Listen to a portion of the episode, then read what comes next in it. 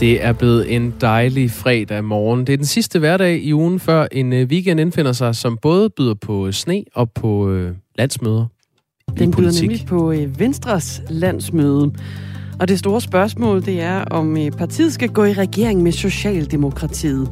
Flere venstreborgmestre er forbeholdende over for en regering over midten med Mette Frederiksen i spidsen. Og vi taler med to af dem lige om et øjeblik.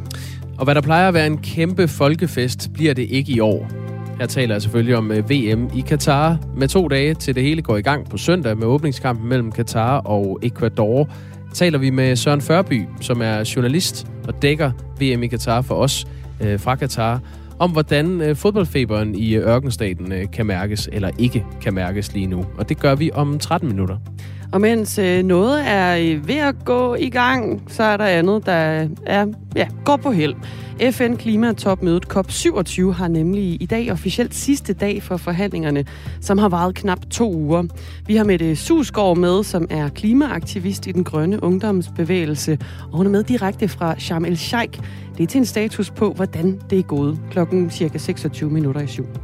Hvis du har lyst, må du meget gerne skrive ind til os på 1424, øh, hvis du øh, har noget, du gerne vil af med. Et øh, tip til en historie, det kan vi sagtens nå at kigge på i løbet af de næste øh, tre timer, vi sender Radio 4 morgen. Det kan også være, du har indsparket til dem, vi taler om, så, øh, og med. Så skriver du ind på, øh, på 1424. Det, det ja, er Dagmar i Østergaard.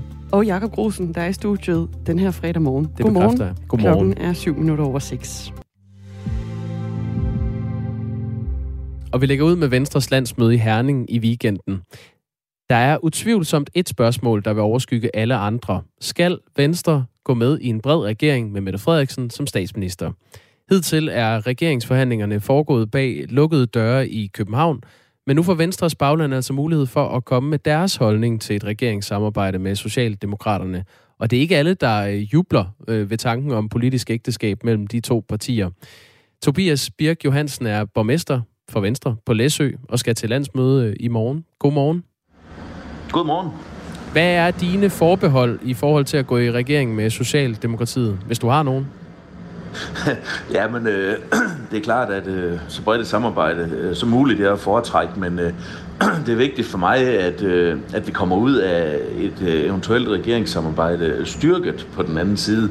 Altså med andre ord, så tror jeg, det vigtigste øh, vores øh, formand han skal fokusere på, det er at, øh, at sørge for at, øh, at gøre det, som er bedst for partiet.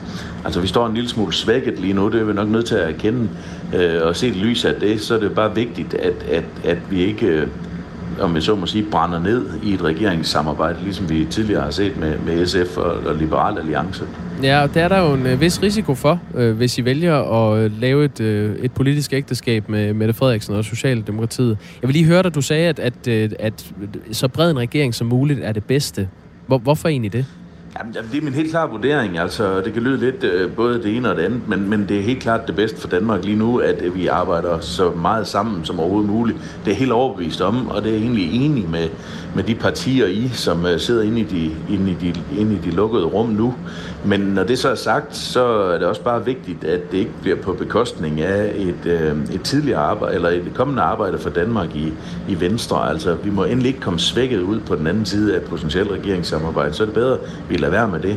Men jeg har fuld tillid til, at, øh, at vores formand, Jakob Ellemann, han, øh, han har alting i, øh, i fokus, og at øh, alting bliver bliver vendt og, og drejet øh, hvordan, i, de, i de lukkede rum. Hvordan skal I sørge for ikke at komme svækket ud af sådan et samarbejde?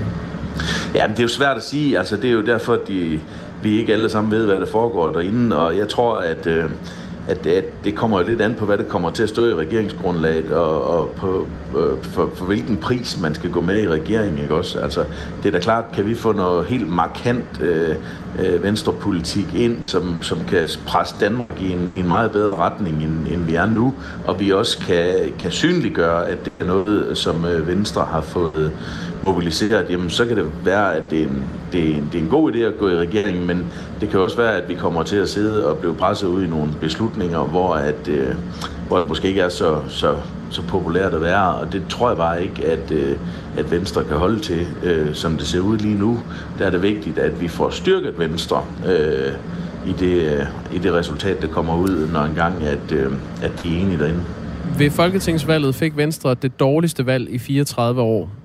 I er gået tilbage med 20 mandater øh, på landsplan og har nu øh, 23 medlemmer i Folketinget.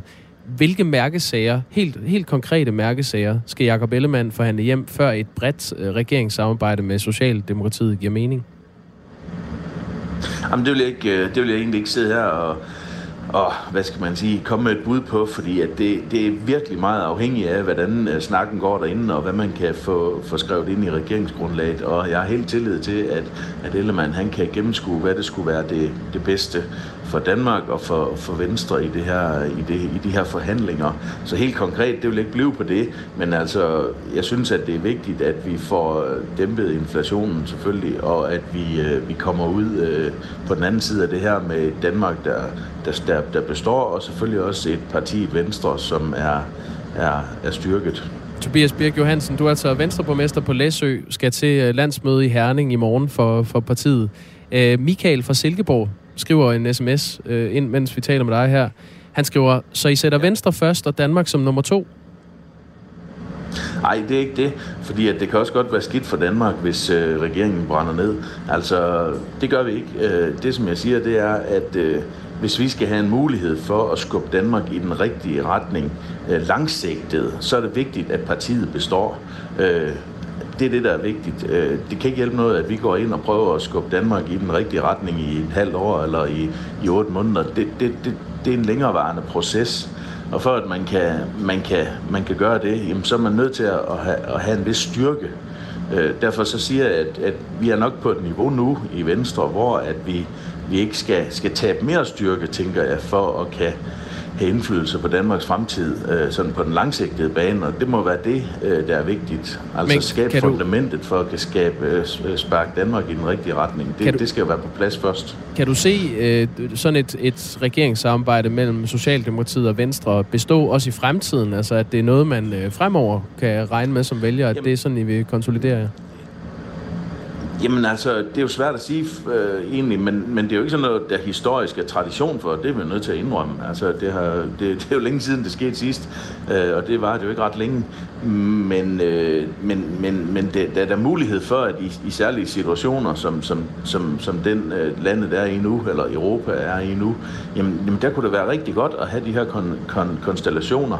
Men omvendt set, så tror jeg også, det er vigtigt, at, at danskerne har noget at vælge imellem, at der er nogle nuancer. Altså, det er jo det, der, det, er jo det man kalder demokrati. Altså, det, er, det, er jo, det kan jo ikke hjælpe når vi alle sammen bare står på midten og er enige om alting. Så flytter vi jo ikke noget. Øh, vi er også nødt til at skal have, have det forskellige farver på. Øh, men jeg går meget ind for samarbejde og, og, og meget ind for, for meget mindre mudderkastning, som der har været alt for meget af i, i valgkampen. Tobias Birk Johansen, borgmester på, på Læsø. Øh, du skal til det her landsmøde i morgen, og du sagde lige før, at, at vi skal ikke risikere, at regeringen brænder, øh, brænder sammen. For, forventer du, at regeringen den brænder sammen, hvis Venstre ikke går med i den? Nej, det ved jeg ikke. Altså, jeg tror ikke. Øh, jeg tror faktisk, at det bliver svært. Øh, det bliver svært uden Venstre, men igen, man kan se, at øh, man, man, man, jeg kan jo ikke sige, hvad der sker. Jeg er jo ikke slet ikke i nærheden af en position, hvor jeg ved noget som helst om, hvad der foregår inde bag lukket dør. Jeg er helt fuld tillid til dem, det, det, det er derinde. Mm. De kan klare det. Men, men, men, men jeg, tror, jeg tror, det bliver svært. Jeg tror, det bliver svært. Det må, det må jeg indrømme. Men det kommer an på, hvordan konstruktionen bliver, ja. og, og det kommer også an på, hvordan oppositionen opfører sig. Noget andet, der bliver svært, er øh, at forklare vælgerne, at man alligevel vælger at pege på Mette Frederiksen som statsminister. Det er jo noget, Jacob Ellemann adskillige gange i valgkampen har sagt, han ikke vil gøre. Vi skal lige høre et klip fra den sidste statsministerdebat før valget på DR1. Altså, jeg, jeg kan sige øh, igen, gentage her, at jeg kommer ikke til at gøre Mette Frederiksen til statsminister. Tobias Birk Johansen, øh, hvis Venstre kommer til at danne regering med Socialdemokratiet, hvordan vil du så forklare dine vælgere på Læsø, at Jacob Ellemann nu har en, en fuldstændig anden holdning? Jamen har han det? Ja, han siger, at jeg kommer ikke til at pege på Mette Frederiksen som statsminister. Nå. Og så siger du, nu har han en helt anden holdning. Ja, er han ikke øh, netop ved at pege på Mette Frederiksen som statsminister?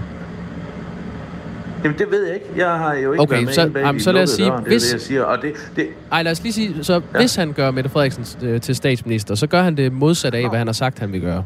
Er det ikke utroværdigt? Ja, det er rigtigt. øh, jo, det kan man sige, men man er jo også nødt til at sige, at hvis man nu... Øh, evaluere på det valg, der er, har været, så er man også nødt til at være tro mod demokratiet, og man er bare nødt til at sige, at Mette Frederiksen, hun har fået et rigtig, rigtig, rigtig godt valg, og Socialdemokratiet også, og sidder med 50 mandater. Og i stedet for at sætte sig over surmul over hjørnet, ligesom vi ser med andre partier lige nu, jamen så skal man jo også gøre, hvad man kan for at hjælpe til, at, øh, at vi nu får det bedste ud af det. Øh, og, og, og det, det er sådan ligesom det, jeg altid har arbejdet ud efter. Hvis ikke man kan få det hele, så må man tage det næstbedste. Skulle han så ikke have sagt det? Tage. Skulle han ikke have sagt det? Hvis Venstre får et dårligt valg, så kan det godt være, at vi peger på Mette Frederiksen som statsminister. Jo, det, altså, det, det, jeg vil ikke, jeg, det vil jeg ikke uh, egentlig kommentere på, hvad han skulle have sagt, og hvad han ikke skulle have sagt. Jeg har ikke så meget forstand på, hvad der er bedst i en valgkamp, men, men, men det, kunne man jo, uh, det kunne man jo godt sige. Uh, men, men det er måske også at, at at være utro mod sin egen, øh, hvad skal man sige, position som statsministerkandidat og stå og sige, at man kan pege på en anden. Alright. Tobias Birk Johansen, øh, borgmester på Læsø for Venstre. Tak fordi du er med. Jamen selv tak. Nu, øh, nu tager vi lige lidt øst på og siger godmorgen til Pernille Beckmann, som er borgmester for Venstre i Greve. Godmorgen. Godmorgen. Løber du rundt med armene over hovedet ved tanken om en regering, hvor Venstre gør Mette Frederiksen til statsminister? Jamen, altså, jeg løber rundt med armene over hovedet, hvis, øh, hvis Venstre kan, kan få sin uh, politik igennem. Men, men det er klart, at når man, når man skal, skal ind i et samarbejde med et parti, et parti af en, på rød blok, så er der selvfølgelig nogle dilemmaer, der følger med, som man, uh, som man skal overveje. Hvad er det største dilemma i det her, synes du? Jamen, de største dilemmaer, det gælder jo for både Socialdemokratiet, men det gælder bestemt også for Venstre, det er, hvordan man kan bevare sin egen identitet. For vi er to meget forskellige partier på rigtig mange punkter. Der er også mange punkter, hvor at, øh, vi er meget ens. Men, øh, men man skal kunne bevare sin egen identitet i den rejse, man er på. Hvis sådan en bred regering skal give mening, hvad er det så for en øh, identitet, Venstre skal bevare? Jamen altså, Venstre skal jo stå på de øh, borgerlige, øh, kan man sige, liberale værdier. Frihed til, til, til borgerne. Øh, og, øh, og man kan sige, ligesom vi har gjort altid. Og, og det er ikke det, som har kendetegnet Socialdemokratiet. Så det skal man selvfølgelig, hvis man vælger at indgå et samarbejde, så skal man selvfølgelig finde en vej i det. Der er kommet en, øh, en sms fra, øh, fra Thomas Tø. Nu vil øh, Tobias øh, Birk Johansen ikke sådan helt øh, sige, hvad det var, der var afgørende, men øh, Tobias Tø han efterspørger, Venstre kom nu med de mærkesager. Når du siger det her med, at man skal gå ind med de, med de liberale værdier, hvad er det så præcis, Venstre skal gå ind og kræve af en, øh, en regering over midten? Jo, men altså, det er jo, det er jo sådan den klassiske, at øh, så, så vil pressen rigtig gerne have konkrete eksempler på. Det, det kan man ikke. Man kan ikke konkretisere det på den måde, fordi Venstres politik bygger jo på frihed. Og man kan sige, hvis der er noget, der ikke har kendetegnet den regering, vi har haft, så er det frihed. Så, så man kan sige, at de borgerlige værdier på alle områder skal skinne igennem, at, øh, at Venstre så har fået indflydelse på det. Så, så hvor ser du konkret, I skal ligesom brage igennem med noget fra Venstres side i en øh, potentiel bred regering mellem i hvert fald Socialdemokratiet og Venstre? Jeg synes, jeg synes den, den måde at anskue det på, kan, kan godt til tider være lidt, lidt snævert. Øh, Danmark har Hvorfor nogle det? massive... Jo, fordi Danmark står over for nogle massive udfordringer, som er så store, at jeg ikke engang tror, at borgerne i nu har forstået, hvad det er, der venter lige rundt om hjørnet. Vi kan ikke rekruttere medarbejdere. Det er specialiseret børn og ungeområdet stikker fuldstændig af økonomisk ude i kommunerne. Så man kan sige, at der er brug for, at der er nogen, der sætter sig ned sammen og finder ud af, hvordan er, vi, hvordan er det så, vi løser Danmarks udfordringer. Men du siger også, at I skal, I skal virkelig brage igennem med de borgerlige liberale øh, værdier. Så, så, ja. så det skal I vel også gøre. Så hvad er det konkret, I gerne ser øh, komme med i sådan en bred regering? Jamen, altså, jeg, jeg sidder ikke øh, og forhandler på, på Jakobs vegne. Det har jeg stor tillid til. Det, det klarer han fuldstændig perfekt selv. Men, men, men det er jo grundlæggende frihed, øh, som, som Venstre står på, og, og de liberale værdier, som så skal gennemsyre alle de beslutninger, de tager. Mm. Hvis I nu øh, får øh, det med, hvad, hvad, hvad end det er, øh, kan du så være glad for at gøre Mette Frederiksen til statsminister med men, Venstres øh, mandater? Jamen altså, selvfølgelig kan en venstremand jo aldrig være glad for at gøre Mette Frederiksen til statsminister. Det ville jo være fuldstændig, øh, det ville jo være tudetosset at sige, hvis man var det. Men, men jeg vil sige, at valget har jo også talt tydeligt sprog. Borgerne er ikke gået op i, om, øh, om Mette Frederiksen har kørt en minksag øh, skævt. Hun har fået et ret godt valg, og det må vi jo også bare, kan man sige, øh, tage, tage bestik af. Og, øh, og det, det tror jeg sådan set også er det, som, øh, som Jacob han gør tager bestik af, at nu er det sådan her valgets tale er, og så må vi jo, så må vi jo forholde os til det. Øh, man, man er jo ikke glad for at gøre en socialdemokrat til statsminister. Man er glad for at få sin politik igennem. Jeg har hørt flere fra Venstres bagland, også flere øh, borgmestre, sige, at det skal gøre ondt på Socialdemokratiet, hvis ja, man skal gå med i en øh, bred regering. Er du, er du enig i det?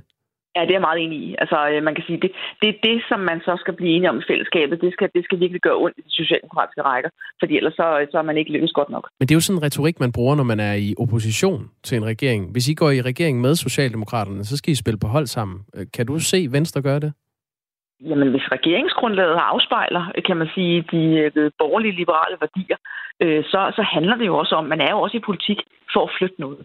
Øh, og det nemmeste er jo, kan man sige, at sætte sig på yderfløjene og bare sidde i rigtig mange år endnu og se, hvad der er, der foregår. Det har vi gjort i mange år, øh, og det har ikke gavnet Danmark synderligt.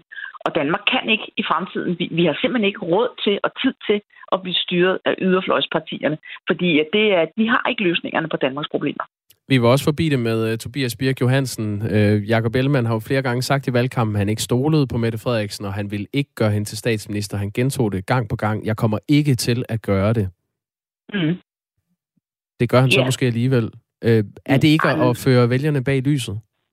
Nej, det synes jeg ikke, det er. Altså, det, det, det, skal, det skal en statsministerkandidat gå ud og sige uh, i en valgkamp, at det Hvorfor gør det? Ikke. Hvorfor gå ud og lyve i en valgkamp? Jamen, jeg tror ikke, det er ikke at lyve. Hvis du spurgte Mette Frederiksen, om hun ville gøre Jacob Ellemann til statsminister, så havde hun også, så havde hun også sagt uh, runge, nej, det, det gør hun jo heller ikke. Gøre. Nej, men, men hvis valget var faldet ud på en anden måde, så havde hun sagt fuldstændig det samme. Mm, hvordan kan du være sikker på det? Fordi sådan er politik. At man, man lyver for vælgerne, og så gør man noget andet efter valget? Nej, man, man lyver ikke for vælgerne. Man, øh, man siger, at, øh, at, at hvis jeg får mandat nok, så er det sådan her, verden kommer til at se ud. Hvis mandatet, altså, jeg, jeg kan sige øh, igen, gentage her, at jeg kommer ikke til at gøre Mette Frederiksen til statsminister. Og det gør han så alligevel. Er det ikke, det er jo, det er jo øh, indbegrebet af at lyve, det er jo at, at sige, at man ikke gør noget, og så gør man det alligevel. Jamen altså, nu, nu, synes jeg, vi skal, nu synes jeg, vi skal afvente og se, hvad det er, der foregår. Der er ingen af os, der ved det. Uh, man kan sige, at vi har jo behøver ikke til sovne på forskud. Men, uh, men, men, men jeg synes ikke, uh, Jakob han, uh, han lyver, når han gør det. Jeg synes, han tager bestik af det politiske landskab. Pernille Bækman, borgmester i Greve for øh, Venstre. Du skal også have tak for, at du var med. Skal du også til landsmøde i Herning? Ja, det skal jeg. Ja, god fornøjelse. Tak skal du have. Godt. Hej. Hej. Øh, vi ser nærmere på øh, Venstres landsmøde igen om øh, en times tid, hvor vi taler med vores politiske redaktør Thomas Larsen om, hvad det er, der er på spil for Venstre lige nu. Klokken er 22,5 minutter over 6.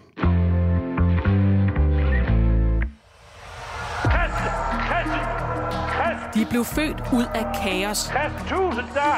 Og Men blev den største politiske bevægelse i nyere tid. Og navnet, det er Dansk Folkeparti. En succes bygget på ekstrem topstyring. Jeg vil have Martin ud af Christiansborg. Jeg kan ikke finde mig i det der mere. Få hele historien om Dansk Folkeparti i podcasten Storhed og Fald. Du finder alle afsnit i Radio 4's app. Radio 4 taler med Danmark. På søndag starter den mest omdiskuterede slutrunde nogensinde, nemlig VM i fodbold i Katar.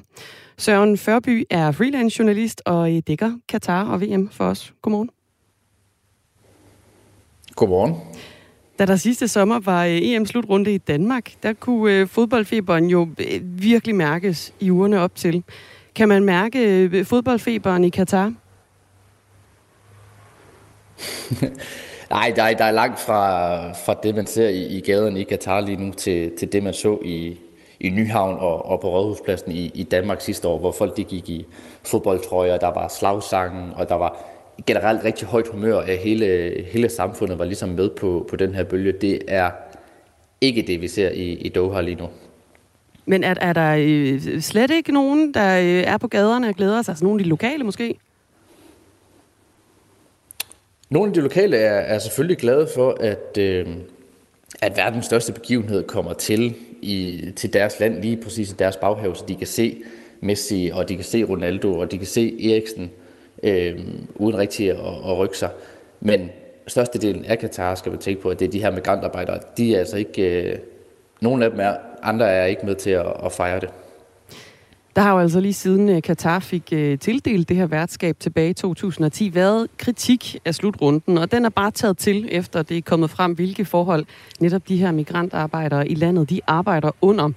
Der skulle bygges en masse nye stadioner, og der er øh, blevet brugt migrantarbejdere til netop det. Og deres arbejdsforhold har der så været hård kritik af, eksempelvis fra Amnesty International. Ifølge den britiske avis The Guardian, så er 6.500 migrantarbejdere døde siden forberedelserne de startede i øh, 2010. Øhm, det kommer jo på en, en, en grum baggrund, det her øh, VM i Katar. Men hvordan forsøger Katar at få det til så at ligne en fest? Jamen, den seneste uge har vi set på, på de sociale medier, især fra øh, de statsstyrede medier i Katar, at man har øh, postet en masse videoer af fans, typisk indiske fans, der hæpper på Argentina, eller England, eller Tyskland, eller, eller nogle af de store hold, for ligesom at, at skabe en stemning af, at, at der er VM i landet, og, og folk de er glade for, at, øh, at VM ligesom er der. Og er der kommet nogen, øh, nogen fans øh, udefra, også fra de forskellige nationer, som rent faktisk deltager ved, ved VM? Ikke endnu, nej. De er ikke rigtig, rigtig rullet ind. Det tror jeg, det kommer til her i, i løbet af weekenden. Mange fans har jo været afskrækket af de her sindssygt dyre hotelpriser. Mm. Så VM starter på søndag. Hvis de ruller ind øh, to dage inden, jamen, så skal de af med 7.000, 8.000, 9.000 mere. Og det, øh, det har mange fans altså valgt at, at spare, og så først komme til, når deres land ligesom skal, skal spille. De danske fodboldfans de kommer heller ikke til at fylde forfærdeligt meget på øh, de nybyggede stadioner i øh, VM-værtslandet, øh, når Danmark tager fat i øh, gruppespillet i næste uge.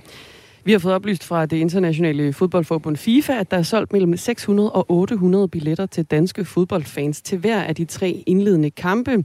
Og så er der solgt nogle 100 til de kampe, som Danmark eventuelt kan gå videre til. Det siger øh, kommunikationschef Jakob Højer fra øh, Dansk Boldspilunion til, til politikken. Øh, de her 600-800 øh, billetter til hver af de tre indledende kampe, hvad er det for en, en, hvad er det for en oplevelse, de går i møde? Jamen, det bliver en, en spøjs oplevelse, fordi hvis de regner med, at de skal ned og, og deltage i en, i en stor fodboldfest, som, som vi så blandt andet i København sidste år, jamen, så er det ikke det, der kommer til at, at, at møde dem. Altså, øh, den første kamp, som, som Danmark de skal spille på, øh, de skal spille på Education City Stadium, der er plads til 40.000.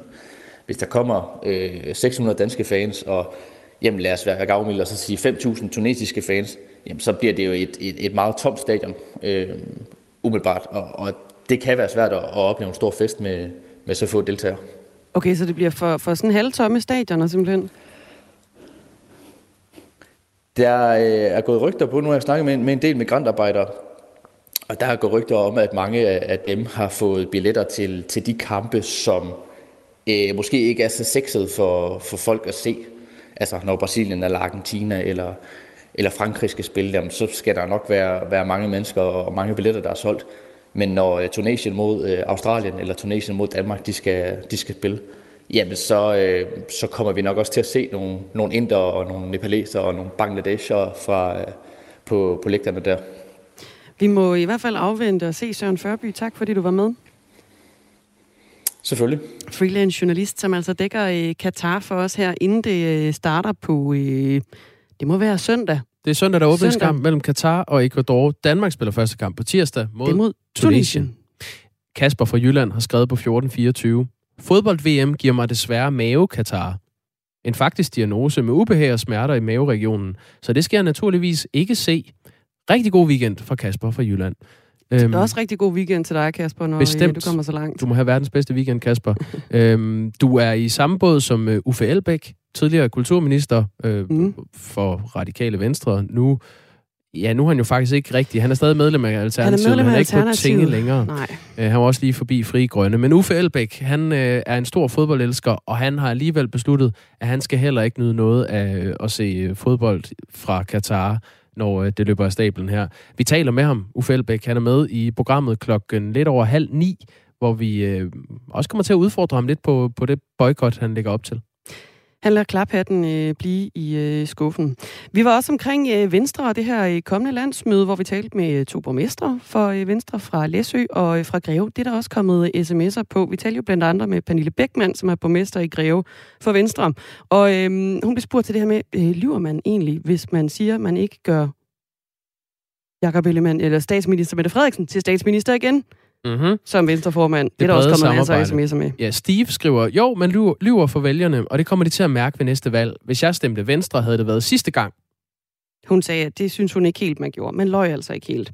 Venstre vil selvfølgelig efter vælgernes tale tjene landets interesse ved at lade fornuften tale, skriver øh, Esper. Og Inge skriver, hold op, hvor de kæmper for at retfærdiggøre deres svigt over for deres vælgere, hvis de hopper i seng med de røde. Jeg stemmer aldrig på Venstre mere. De er utroværdige. Klokken er halv syv.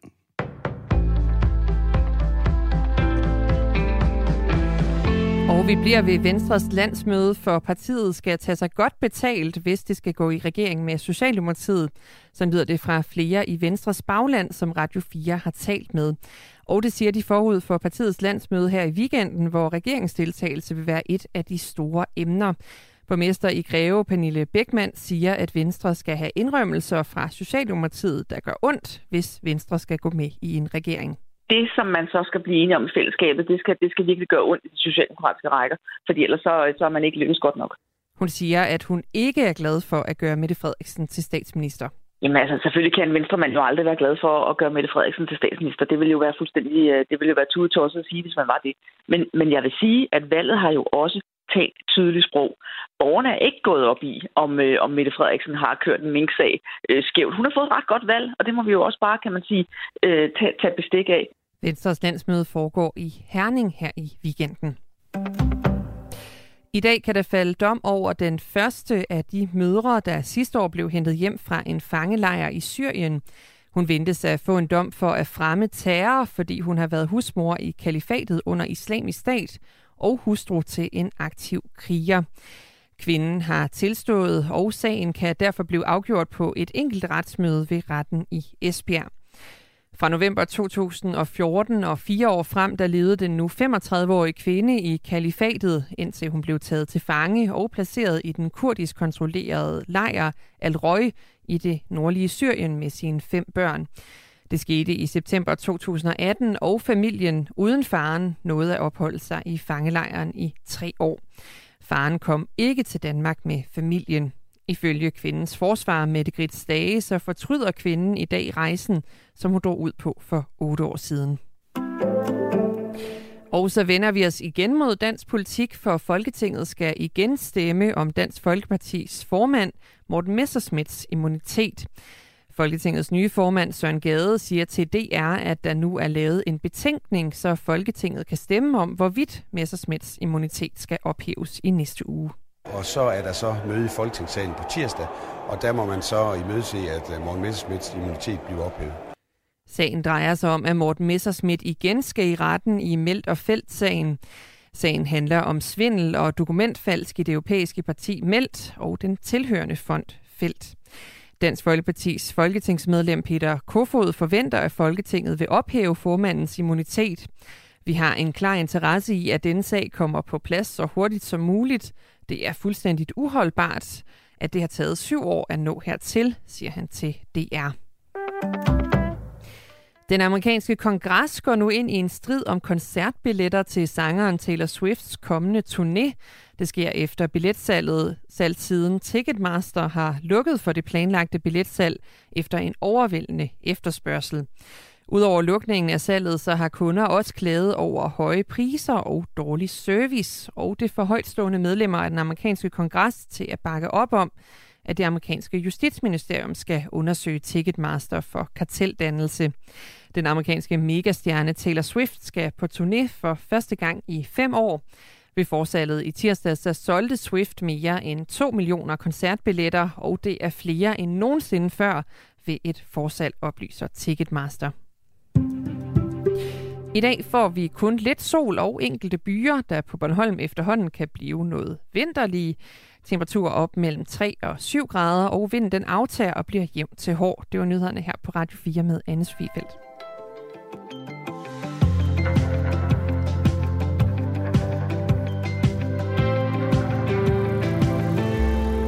FN's årlige klimatopmøde, som også går under navnet COP27 den her gang, nærmer sig sin afslutning i Sharm el-Sheikh i Ægypten. I dag er officielt sidste dag for klimatopmødet, der øh, siden 6. november har samlet 40.000 deltagere fra hele verden omkring et fælles mål og komme den globale klimakrise til livs. Og hvordan er det egentlig gået med det? Altså er verdenssamfundet kommet tættere på at løse den globale klimakrise, eller er vi stadig langt fra mål? Det skal vi høre dit øh, klimaaktivistiske bud på, øh, Mette Susgaard. Godmorgen. Godmorgen. Du er klimaaktivist i øh, den grønne ungdomsbevægelse, og du befinder dig lige nu i Sharm el-Sheikh, hvor du har fulgt COP27 tæt. Hvordan kan det egentlig være, at du befinder dig der? Jamen det gør jeg jo, fordi at øh, vi har fået tallene for i år faktisk, at der har været 636 lobbyister fra fossilindustrien her i, i Sharm el-Sheikh. Øh, så vi synes jo, der skal være en modvægt som, som klimaaktivister, eller som et ungt fællesskab, der virkelig prøver på at presse på for, at der skal meget mere konkret politik på bordet. Der skal forsøge på at afbøde klimakrisens værste konsekvenser, som vi har set for eksempel i Pakistan øh, over sommeren. Så altså man kan sige, at vi, vi er taget hertil, fordi vi både gerne vil demonstrere og vise vores, øh, vores modvilje og vores, virkelig vores frustration over, hvor lidt der er sket siden Paris-aftalen, som vi fik i, i 2015. Der er gået syv år, og der er virkelig ikke blevet leveret på de løfter, der er givet nogen steder i verden, desværre nærmest, øh, i forhold til, hvad der burde være sket. Øh, så, så det skal vi jo selvfølgelig råbe op omkring, og det, det forsøger vi at gøre på forskellige måder. Øhm, og ja. hvis du nu skulle sætte en, en overskrift på COP27, altså hvordan det så øh, har forløbet, hvad vil, hvad vil den overskrift så øh, være? Altså uden at vide, hvordan det ender nu, kan man sige, at jeg sad i plenarsalen i går nede bagved og fulgte med til klokken, jeg tror klokken var var den halv tolv eller sådan noget, før vi var færdige. Så, øh, så det, vi er ikke færdige nu overhovedet, lad mig sige det sådan. Øh, de er ikke færdige med at forhandle. Der er mange positioner mellem landene, mellem de forskellige grupperinger, som, øh, som viser sig nu. ikke. Øh, og, og man kan sige, jeg synes, det har været kaotisk. Det skal jeg være ærlig indrømme. Der har været mange forskellige øh, Øh, lidt kaotiske øh, ting, øh, fordi vi ikke ved, hvornår det slutter endnu, og, og samtidig så, så har der også været rigtig mange problemer for civilsamfundet her. Vi ved jo, at, at omkring 60.000 øh, egyptiske aktivister og advokater øh, sidder i fængsel, og at menneskerettighederne er virkelig på udfordret her. Øh, så vi har også været lidt nervøse for vores egen sikkerhed, og i særdeleshed nogle af de aktivister, vi kender fra det globale syds øh, sikkerhed her. Øh, fordi vi har set præventive anholdelser af klimaaktivister inden koppen, og og altså, så har der bare været rigtig mange forskellige ting, som for en ung klimaaktivist har gjort det lidt kaotisk, øh, fordi det både er svært nok at holde tunge lige i munden, når man skal følge med i alle de forkortelser og alle de øh, forhandlingstekniske ting, der sker øh, på så højt niveau politisk. Mm. Så skal man også øh, sikre sig, at man, man en sikkerhed er i orden. Så jeg synes, det har været kaotisk klimatopmøde, men jeg har også hørt øh, taler, som har, som har rørt mig, og jeg tror faktisk, at det er en ændring, at vi har set de her øh, klimakatastrofer over sommeren. Jeg tror, det er ændret, at de rige lande nu sidder over for lande, som virkelig står i vand til knæene. Det må altså ændre dynamikken, og det, øh, det håber jeg også, vi kommer til at se de næste par dage. Det er der jo også brug for, hvis der skal ske noget i hvert fald, fordi hvis man øh, ser tilbage på tidligere, øh, for eksempel Paris-aftalen, så er det jo ikke noget, øh, landene på den måde føler sig forpligtet til at leve op til. Øhm, nu ved jeg ikke, nu kan jeg tale for egen regning, men sådan, som udenforstående, øh, kiggende på de her COP-møder, øh, har jeg ingen forventninger til, at, at der bliver indgået nogle aftaler. Har du det? Altså, jeg tror, det er lidt vigtigt at sige, at Paris-aftalen rent faktisk har givet en, meka- en mekanisme, sådan at den landene øh, reducerer mere. Jeg er en af dem, som har sagt, Paris-aftalen har halvandengradsmålet rigtig meget i dansk politik det, står, det stod i sidste regerings øh, forhandlings, øh, eller hvad, regeringsgrundlag. Så, så det, altså, jeg tror ikke helt på det der med, sådan at, at det, det ikke kan levere noget. Det Men det er jo, det er jo i dansk politik. Altså, klima, klimaemnet er jo øh, meget presserende i dansk politik, men hvis man ser sådan mere på global plan, så er det jo meget lille udledning, øh, Danmark har af den samlede CO2-udledning. Så det er jo nogle af de store spillere, der skal på banen. Har du nogle forventninger til, at, at de kommer til at, øh, at reducere på deres CO2-udledning? Jamen, jeg synes, det er, lidt, det er lidt dumt at kigge på, at dansk politik ikke, ikke batter noget, for man kan sige, at FN's klimapanel er meget tydelig omkring, at hver eneste ton mindre CO2 i atmosfæren tæller lige nu. Så alt tæller. Også dansk politik. Og man kan sige, at Danmark har et af de højeste forbrugsbaserede udledninger, fordi vi også øh, forbruger rigtig meget, som vi importerer ind. Så jeg køber ikke helt den der med, at Danmark er et lille land alle skal gøre noget, også Danmark. Og hvis Danmark har et højt mål og viser, at vi sagtens kan gøre det, så kigger landene altså til os. Det kan man også se her. Der er rigtig mange interne dynamikker, som er på spil. Der er rigtig mange, som kigger på Danmark og siger, hvordan er det, I lykkedes med at sætte en slutdato for olie? Hvordan er det, I, I elektrificerer så meget? Og jeg, Danmark skal gøre markant mere. Men, men jeg køber ikke helt den der med, at, øh, at man bare skal kigge på de allerstørste kunde. Fordi Kina og USA er jo nogle af dem, som vi kigger på her. Ikke? Det er mm. dem, som vi forsøger at presse. Men det, men det er de dynamikker, som, som er rigtig nøgtige, vigtige at forstå, at der skal mange flere til for at presse de her aktører, og det er derfor, jeg tror, det er så vigtigt med civilsamfundet. Eksempelvis, som vi så i København på COP15, øh, hvor der var rigtig, rigtig, rigtig mange i gaderne. Der var 100.000 største danske klimademonstration. Der er brug for det her folkelige pres, som viser, at vi vil markant mere Øh, og det tror jeg desværre, at den her COP, øh, vi kommer til at tænke tilbage på den som en, hvor vi ikke sikrede, at der var, der var folkelig pres og momentum bag. Fordi man kan sige, at det er jo noget, der bliver dækket rigtig meget af journalister, det er noget, der, bliver, der har stort fokus. Ikke? Så kan det godt være, at de ikke leverer noget af de her COPs øh, på den måde, som vi, som vi ønskede, men på en eller anden måde, så, så det her skift i, i momentum, det, det, det tror jeg faktisk på, kan levere noget mere. Om det leverer nok, jeg bange for, at det ikke gør det, men det kan levere noget momentum, og det kan gøre, at vi så kan gå hjem og presse nogle politikere. Og jeg har jo både mødt klimaaktivister fra hele verden, som netop siger det samme, ikke? som siger, at det her det er retningen, og alt det, der skal ske, alle de millioner handlinger, der skal til, det skal vi sikre derhjemme. Mette Susgaard, vi har fået en øh, uh, sms. Det er nok uh, med et blink i øjet, og du skal tage det med et grænt salt. En eller anden form for uh, ironi i hvert fald. Ivan han skriver, at klimatopmødet bliver et fantastisk hit. Resultat. En aftale om, hvad de skal aftale næste år. Tror du, det er der, det lander? Ja, det er i hvert fald spændende det der med at lave planer for nye planer, ikke? Altså det kan man sige, det er i hvert fald ikke noget af det, som der kommer så mange handlinger ud af. Øh, ja, men det er jo også det, vi, det, er det, vi frygter. Altså vi har, vi har sidder med de forskellige tekster og kigger, hvad der er kommet med, og hvad der ikke er kommet med. Og, og noget af det allermest essentielle er jo, at fossile brændsler på et eller andet tidspunkt skal udfases fuldstændigt. Det står ikke i teksten. Altså der, så der er jo, det er jo slåskampe, små Er der noget som helst, der lugter en konkret aftale? Ja, det tror jeg, der er. Øh, der er forskellige aftaler, som... Altså, det er jo forskellige spor, man forhandler, ikke? Og så er der en, en aftale på den her kop. Jeg, det, det ser svært ud, må jeg være ærlig nu, men, øh, men, men halvandengradsmålet, som jo ligger under Paris-aftalen, skal, skal, skal gentages. Ikke? Altså, det er virkelig fuldstændig essentielt og handler om liv og død, og det er også det, som de fattigste lande og de sårbare østater siger, nu, altså, vi skal holde os under halvanden grad, alt andet er alt for mange tabte menneskeliv. Øhm, så så jo, der, der er en frygt for, at det bare bliver planer øh, om, om nye planer, men man kan sige, det er det, er det eneste sted, vi har. Hva, hva, hvor skulle vi ellers gå hen, ikke? Altså, det, jeg tror, det er så vigtigt at sige, der er nogen, der skal blive og kæmpe det der system, som ikke har leveret, for at sige, nu må I speed processen op, samtidig med, at vi får lidt bedre med, end det, der ellers var blevet. Mette Susgaard, Så- øh, du, du sagde ja. før øh, det her med, at, øh, at olieindustrien, øh, den fossile industri, har mange lobbyister i Sharm el-Sheikh, og derfor øh, er det for at give noget modvægt, at, øh, at du tager dig ned, for eksempel som klimaaktivist i den grønne ungdomsbevægelse. Øhm, det, det pres, I så har kunne lægge, øh, vurderer du, at det er det værd? Altså nu, jeg antager, at- I selv er fløjet til mm. Ægypten for at deltage i det her. Mm. Det er et svært spørgsmål. Øh, jeg er blevet spurgt om det flere gange, øh, og jeg, jeg kan ikke svare på det endnu. Jeg synes, det er så ærgerligt, at det egentlig også unge klimaaktivister, der øh, skal blive, kun bliver spurgt til, om det, om det er værd, at vi gør det. Jeg synes, man, skulle også burde, man, man burde også spørge alle fra industrien, om de havde gjort sig de samme overvejelser i forhold til menneskerettigheder, og i forhold til den udledning, man har forbundet med at skulle deltage i klimatopmødet. Nu er jeg personligt ikke fløjet i fem år, fordi jeg ikke har haft lyst til det. Øh, men vi står fuldstændig afgørende tidspunkt i i, i, i verdenshistorien og i klimahistorien, som kræver markant mere handling øh, i forhold til øh, ja, alle verdens lande. Så, så jeg, jeg har gjort det alligevel, øh, og det kan være, at når jeg kommer hjem, så siger jeg, at det giver ikke mening. Vi har, været, vi, har, vi har lagt alt det pres, vi kunne, både på den dans, de danske forhandlere, vi har øh, dannet netværk med en masse, fra, en masse aktivister fra det globale syd, taget del i aktioner. Øh, vi har gjort alt, hvad der stod i vores magt, selvfølgelig. Øh, og om og om det giver mening, det ved jeg ikke. Mette Mette Susgaard, øh, jeg bed lige mærke at du siger, at du ikke har fløjet i, øh, i fem år. Øh, min gode kollega antog lige, at du havde fløjet til, til Sharm el-Sheikh. Hvordan er du egentlig kommet derned?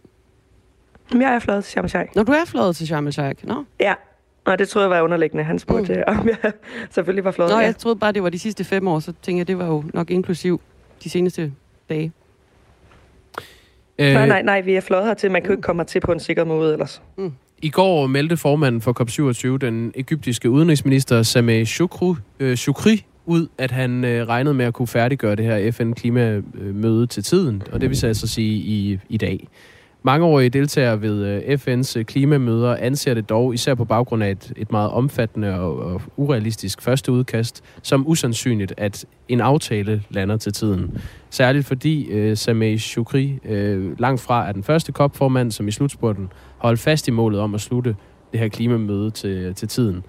Øhm, hvornår regner du med, at der ligger en aftale klar?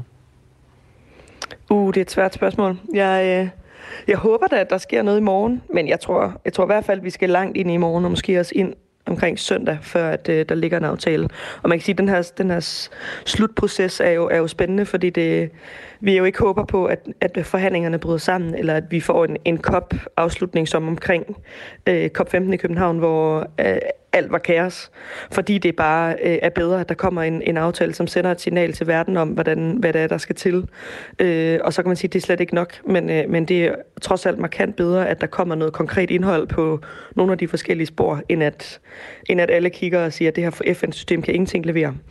Øh, så et sted i morgen, øh, eller i overmorgen måske, jeg skal selv hjem lørdag aften, så, øh, så jeg håber, at måske det lander inden. God tur hjem, øh, Mette Susgaard. Tak for det. Og tak fordi du var med. Øh, klimaaktivist i den øh, grønne ungdomsbevægelse, som altså befinder sig i Sharm el-Sheikh i Ægypten, hvor øh, klimatopmødet COP27 nærmer sig sin afslutning. Det er blevet tid til at evaluere på Christiansborg. Valgkampen er jo overstået, og så skal man ligesom gøre, øhm, gøre resultaterne op. Hvordan er det egentlig gået? Hvad med dem, der stod i spidsen? En af dem, der er interessant at kigge på der, det er jo Søren Pape Poulsen. Øhm, og her på Radio 4, der har vi spurgt flere af medlemmerne i de konservatives folketingsgruppe om, hvad de egentlig mener om Søren Papes valgkamp og konservatives valgkampagne. Og det har vi gjort øh, for en ledigt af, at det er nu tidligere folketingsmedlem for konservative, Britt Bager. Hun sagde sådan her i Radio 4's politiske magasin Mandat. Altså, jeg undrer mig over, at man ikke har haft styr på de personsager øh, langt, inden man melder sit øh, statsministerkandidatur ud. Fordi der, altså, det kommer jo ikke som nogen overraskelse for nogen, at den dag, du stiller dig og siger, at jeg vil være statsminister, så bliver du vejet på en helt anden vægt. Øhm, og derfor synes jeg, øh, at der har manglet en risikoanalyse simpelthen af, hvad er det, der sker, når jeg melder mig øh, som statsminister, fordi det kommer, altså, det kommer med en, øh, med en pris, ikke? Altså, der, der, der, du bliver vejet på en anden vægt. Og der skulle man selvfølgelig have styr på, hvad er det for nogle personsager, som, øh, som ligger i, i skuffen. Øhm, og det, det, mm. ja, det må jeg sige, det, det, er jo, det, er, det undrer mig. Man kan også sige, at meget af konservativs både optur og nedtur har jo været bundet op på øh, formand Søren Pape Poulsen. Han har jo fyldt meget i den konservative fortælling mm-hmm. øh, gennem det, det seneste år jo i virkeligheden, og mere til. Har det været en fejl at, at, at, at lægge så meget af kampagnen og fortælling om konservative ind på én person? Man kan i hvert fald sige, at det, gør, det, det har gjort øh, partiet enormt sårbar øh, ved at det hele har været omkring Pape og Pape Power, når så poweren lige pludselig øh, forsvinder i en valgkamp. Ja, det var altså øh, det tidligere konservative folketingsmedlem Britt Bager, som øh, lige fik evalueret, hvordan det egentlig gik for partiet, og ikke mindst formand Søren Pape Poulsen under den øh, overståede valgkamp. Ja, det er en meget passiv måde, hun, hun omtaler det på. Altså, der er jo sådan en måde, man kan tale om ting på, uden at sige Søren Pape. Altså, mand har mm. ikke, og mand skulle, og det er klart, at generelt så er det en god idé, at... Men det her, det er uanset hvordan man vender og drejer, det er en kritik af Søren Pape Poulsen. Ja, og vi har altså også forsøgt at række ud til øh, nogle af de øh, nuværende medlemmer af konservativs folketingsgruppe, for at høre, hvad de egentlig øh, synes. Men der er ikke nogen af dem, der har ønsket at øh, kommentere, hvordan de mener, det er gået for Søren Pape og konservative. Øh, de har heller ikke ønsket at øh, kommentere på øh, Britt Bagers udtalelser i mandat. Øh, men vi har fået, øh, fået svar fra en, øh, en række af dem. Ja, lad os lige tage listen. Mm. Niels Flemming Hansen, som er folketingsmedlem, han siger, det har jeg absolut ingen kommentar til. Den tager vi internt. Per Larsen, som også er folketingsmedlem for konservative, siger, de drøftelser skal vi tage internt. Lisa Bertelsen, som også er folketingsmedlem, siger, jeg vil helst ikke udtale mig inden evalueringsmødet. Og så er der så dem, der, der aldrig øh, svarede tilbage. Helle Bonnesen, Mona Jul, øh, Brigitte Klinskov Jerkel, Mette Appelgaard, Maj Mercado, og det lykkedes heller ikke at få en kommentar fra Søren Pape selv. Mm. Nå, så vidt altså lige en øh, status på, at øh, de tager det lige internt, virker det til, ikke? Klokken er 11 minutter i øh, syv. Du lytter til Radio 4 morgen. Men vi fortsætter med at øh, tale politik, fordi klima og miljø er på dagsordenen, når regeringsforhandlingerne genoptages i dag. Og et af de øh, hede emner under valgkampen, det var en CO2-afgift på landbruget. Noget som Venstres formand Jakob Ellemann Jensen i går sagde følgende om efter forhandlinger med fungerende statsminister Mette Frederiksen. Det var selvfølgelig et tema, som var oppe. Det var også i valgkampen, hvor det fyldte ganske meget. Det var det også i valgkampen, hvor det fyldte ganske meget.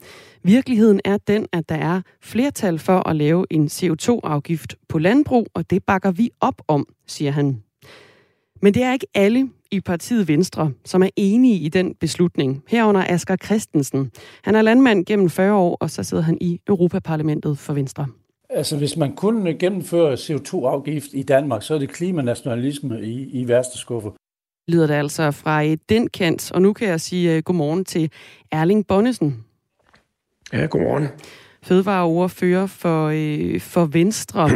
øh, det peger jo lidt i forskellige retninger i, øh, i Venstre lige nu i forhold til at indføre en øh, CO2-afgift på, på landbruget. Øh, hvordan vil I skabe enighed om øh, det her internt?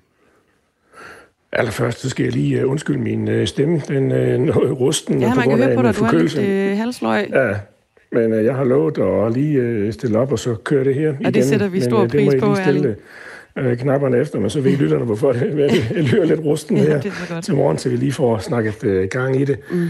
Øh, nej, men det er klart, at øh, det ligger øh, i landkortet øh, på Christiansborg. Det ligger jo øh, således, at øh, et meget stort øh, flertal øh, har sagt, øh, der kommer en øh, CO2-afgift, øh, og på det grundlag, så har vores øh, formand, Jakob Ellermann Jensen, jo også øh, sagt øh, ja øh, i princippet øh, på vegne øh, af Venstre, og så har vi det jo sådan, så går vi jo ind til, til forhandlingsbordet stort, som man også oplever øh, nu. Nu er det sådan nogle sonderinger i, øh, i øjeblikket, om at sige, hvordan kan det her så skrues sammen, for i virkeligheden sådan set det, at det handler om, hvordan skal det her så øh, i praksis i givet fald øh, skrues sammen. Og der har vi det jo sådan i øh, Venstre, og det har vores formand jo også sagt, jamen det må ikke som ikke resulterer i, at vi jager øh, landbrug og mm. arbejdspladser og virksomheder ud af landet. Det vil være tude øh, tosset. Vi skal jo holde sammen på alt det gode, som vi har i, i forvejen. Og så er der jo nedsat et, øh, et ekspertudvalg, som skal, øh, kan vi sige, komme med forskellige modeller øh, på det her. Det er jo virkelighedens øh, verden, uanset hvordan man øh, måske på andre ledere kanter gerne vil diskutere det som øh, principper. Så ja, er det jo noget dertil nu, hvor vi skal have hands-on Øh, Øh, jeg afbryder dig lige her, øh, så du også kan få lov at, at hvile stemmen et øjeblik. Øh, øh, vil I, er I kun med på den her øh, CO2-afgift i landbruget, fordi der er et flertal rundt om Venstre for det?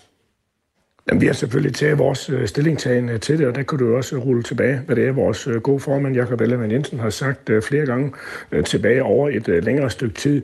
Her og nu, der er det jo så bare også facts i jernindustrien, som man siger på Christiansborg, at et meget stort flertal siger, at den kommer, så er det jo bedre, synes vi, at man ved, ved bordet og prøver at påvirke, hvordan kan vi så få det her skruet sammen, sådan at vi både kan komme til at passe godt på vores klima og miljø, og sikre, at vi stadigvæk har nogle land landbrug og arbejdspladser, fordi det bliver jo flere og flere mennesker på mm. jordkloden. Vi har lige rundt 8 milliarder, vi, vi... Øh, så der er brug for flere og flere øh, fødevarer, og der skal vi da selvfølgelig sikre vores øh, bid af kagen, også nok... i en udviklingsorienteret dagsorden, hvor flere og flere jo gerne vil vælge plantebaseret, men det skal også være sådan, at det stadigvæk kan være kød på tallerkenen, og der producerer vi jo noget af det bedste. Erling så det skal vi, vi skal nok sikre, komme stadigvæk til... er muligt øh, alle de her ambitioner, og hvordan det skal strikkes sammen. Men jeg vender lige tilbage til det her med, om, om, om Venstre er for eller imod en, en CO2-afgift, fordi når jeg spørger, om I øh, kun er med på den her plan om en CO2-afgift i landbruget, øh, fordi der er et, et flertal uden om Venstre, så er det jo også fordi, at jeres grønne 2030-plan, som I selv kalder den, i den der er der ikke nævnt noget om en, øh, en CO2-afgift på, øh, på landbruget. Så, så er det noget, I ønsker, eller er det noget, I ikke ønsker? Jamen, øh, vi forholder os til virkelighedens øh, verden, og hvis du lytter tilbage til, hvad Jacob Ellemann øh, Jensen også har sagt gennem øh, længere stykke tid, så har han jo lige præcis sagt øh, det samme, som han også siger nu, at øh, Venstre siger øh, ja til en CO2-afgift, øh, men vi skal have det skruet sammen på den rigtige måde, så vi ikke skyer os selv i foden. Det vil sige, at vi skal ikke jage landbrug og arbejdspladser ud af landet. Det er jo sådan set det virkelighedens øh, men, men verden og facts med jernindustrien. Men hvorfor står det så ikke i den grønne 2030-plan, en CO2-afgift på landbruget? Jamen, så, så står det jo øh, nogle forskellige øh, andre steder. Det, som det handler om, det er jo at lytte til, hvad vi siger. Du stiller nogle spørgsmål, den svarer mm. jeg på. Og der har jeg jo også sagt, at øh, Venstres position, og det er jo det, vores øh, formand, Jakob Ellemann Jensen, har gentaget op til flere gange, at øh, vi siger ja til en CO2-afgift, øh, men vi skal have det skruet sammen på den rigtige måde. Det er der jo ikke noget usædvanligt i. Sådan gør man jo også i alle mulige andre sammenhæng, sådan at vi kan sikre vores internationale konkurrenceevne, og vi stadigvæk kan producere fødevarer i Danmark, både Hvis... de nye plante plantebaseret og også øh, kød, fordi der er jo efterspørgsel efter begge dele. Jeg stopper dig lige igen, fordi hvis, hvis det ikke står i jeres grønne 2030-plan, at I gerne vil have en CO2-afgift på landbruget, du siger, det står en række andre steder, hvor står det så henne? Ja, nu står jeg jo så og planen lige foran mig lige nu her, men øh, det, som øh, det handler om i sådan en interview som øh, det her, det er jo ikke at bare kan pege på, at det står på linje det og det. Det, det handler om, det er, hvad er vores position, og det er vores position i Venstre, som vi lige har forklaret nu et, et par gange her, at vi siger ja til en CO2-afgift, men det skal skrues sammen på en måde, så vi stadigvæk kan producere landbrug i Danmark, og også så, når vi kommer ind på den udviklingsorienterede dagsorden, så vi passer godt på vores klima fremover, fordi det er jo også en alvorlig dagsorden, vi skal tage højde uh, for, og det gør vi også, og det vil vi også. Og så er der nedsat et ekspertudvalg, mm. som skal komme med nogle forskellige modeller. Vi er jo ikke fagteknikere. Vi har bedt om at få nogle modeller på bord, så vi kan forholde os til dem, så vi kan få det her skruet rigtigt sammen. Det er det, vi er for som politikere. Jeg stiller lige en model op for dig, så også øh, Erling Bonnesen, fødevareordfører for Venstre, som vi altså har med på det her med, at der er lidt øh, splittelse i partiet i forhold til, om der skal indføres en CO2-afgift på landbruget eller ej. Øhm, hvis nu Venstre havde 90 mandater, ville I så også indføre øh, CO2-afgifter på landbruget? Jamen, ved du hvad, vi kan forholde os til alle mulige øh, sjove, spekulative øh, scenarier, og det er sådan set ikke grund til at spille tid på det. Vi forholder os til virkelighedens verden her og øh, nu, og så har vi også haft en klar politisk linje på det her spørgsmål igennem længere tid, og det er også det, jeg har markeret op til flere gange i det her interview. Venstre vil altså have, at øh, afgiften indrettes på en måde, så det sker i samarbejde med landbruget. Det har du også været, øh, været omkring her, Erling Bonnesen. Derudover så må afgiften ikke sende arbejdspladser ud af landet eller lukke den danske fødevareproduktion. Dansk landbrug skal nedbringe udledningen af drivhusgasser med øh, 55-65 procent frem mod 2030. Det var noget, som blev besluttet af den daværende regering sidste år, sammen med et bredt flertal i øh, Folketinget, som et led i en ambitiøs aftale om grøn omstilling af landbruget. Øhm, sådan en afgift her, nu har du været sådan lidt omkring øh, ambitioner og planer og sådan noget. Hvordan skal den øh, udformes, så det hverken koster arbejdspladser eller lukker noget af fødevareproduktionen i Danmark? Ja, så der skal vi jo tage øh, nogle af de nye teknikker øh, i anvendelse, øh, som øh, er ved at blive udviklet i øjeblikket. Noget af det første, som sådan set allerede er sat i gang, det er udtag af lavbunds øh, jord. Det tog vi jo med ind i landbrugsaftalen for et års tid siden. Det vil jo være nogle af de her lavere liggende mosejord, som kan tages ud af, af drift, og det vil være en win-win, fordi så vil man jo kunne øh, gøre noget godt i forhold til at spare på CO2, og så vil man også kunne bruge den jord. Det er noget, det vi skal have drøftet også i Folketinget. Jamen, hvad skal det areal så anvendes øh, til? Kan det så indgå også noget i biodiversitet, sammenhæng, i natursammenhæng, i skovsammenhæng på en anden måde, sådan at vi får en win-win øh, ud af det? Det er jo et godt eksempel øh, på det. Og så har det jo også været godt fremme i pressen her de sidste dage, at sådan noget som udvikling af fodersammensætningsmetoder, Øh, for eksempel til, til kvæg, at det er også noget, at der kan øh, give noget øh, på det, men det tager lidt tid at få det udviklet. Men jeg glæder mig bare over, og nu har jeg lige været til årsmøde både i Landbrug Fødevare og i Dansk Industri, at der er en virkelig gå på måde for at prøve at udvikle det her således at vi stadigvæk i Danmark er blandt de allerbedste i verden til at producere fødevarer, mm. Øh, som vi jo også er øh, nu, så når vi producerer stadigvæk øh, fødevarer med nogle af de laveste miljø- og klimaaftryk. Og for at sikre og det er jo sådan det set godt. For at sikre alt det her, hvad, hvad skal sådan en afgift så lyde på, hvis det stod til venstre? Jamen, der er det jo lige præcis, vi har nedsat den ekspertgruppe, som skal komme med nogle forskellige modeller, og øh, om de når at spille ud her inden øh, nytår, det må vi så se, ellers så må de jo komme med det lige efter nytår, og så bliver der et grundlag for at begynde at se på det, og det er en sædvanlig arbejdsmetode i politik, at man siger, vi har nogle idéer omkring øh, det her, øh, og øh, man beder så som eksperter, som forskere og så videre, hvem der har forstand på det, øh, og komme med nogle modeller på, hvordan det skal regnes ud. Og jeg noterer mig, at der også lige i pressen i går, der var der også øh, jeg hørte en forsker, der sagde, det her det er kompliceret. Det skal undersøges meget, meget nøje, for at vi ikke kommer til at skyde os selv i foden her i, i Danmark, så vi stadigvæk øh, kan vi sige, kan producere uh, fødevarer, bevare arbejdspladser, jeg samtidig med, at vi får tingene til dig, Lars sammen. Øh, Erling Bonnesen, inden vi, vi runder af. Jeg har et enkelt spørgsmål til dig, fordi vi har talt med Lars Gården Hansen, han er professor ved Københavns Universitet og miljøøkonomisk vismand. Og herfra der lyder et forslag på en CO2-afgift på 1200 kroner per ton udledt CO2. Øh, er det der, I lander også fra, fra Venstres side helt kort?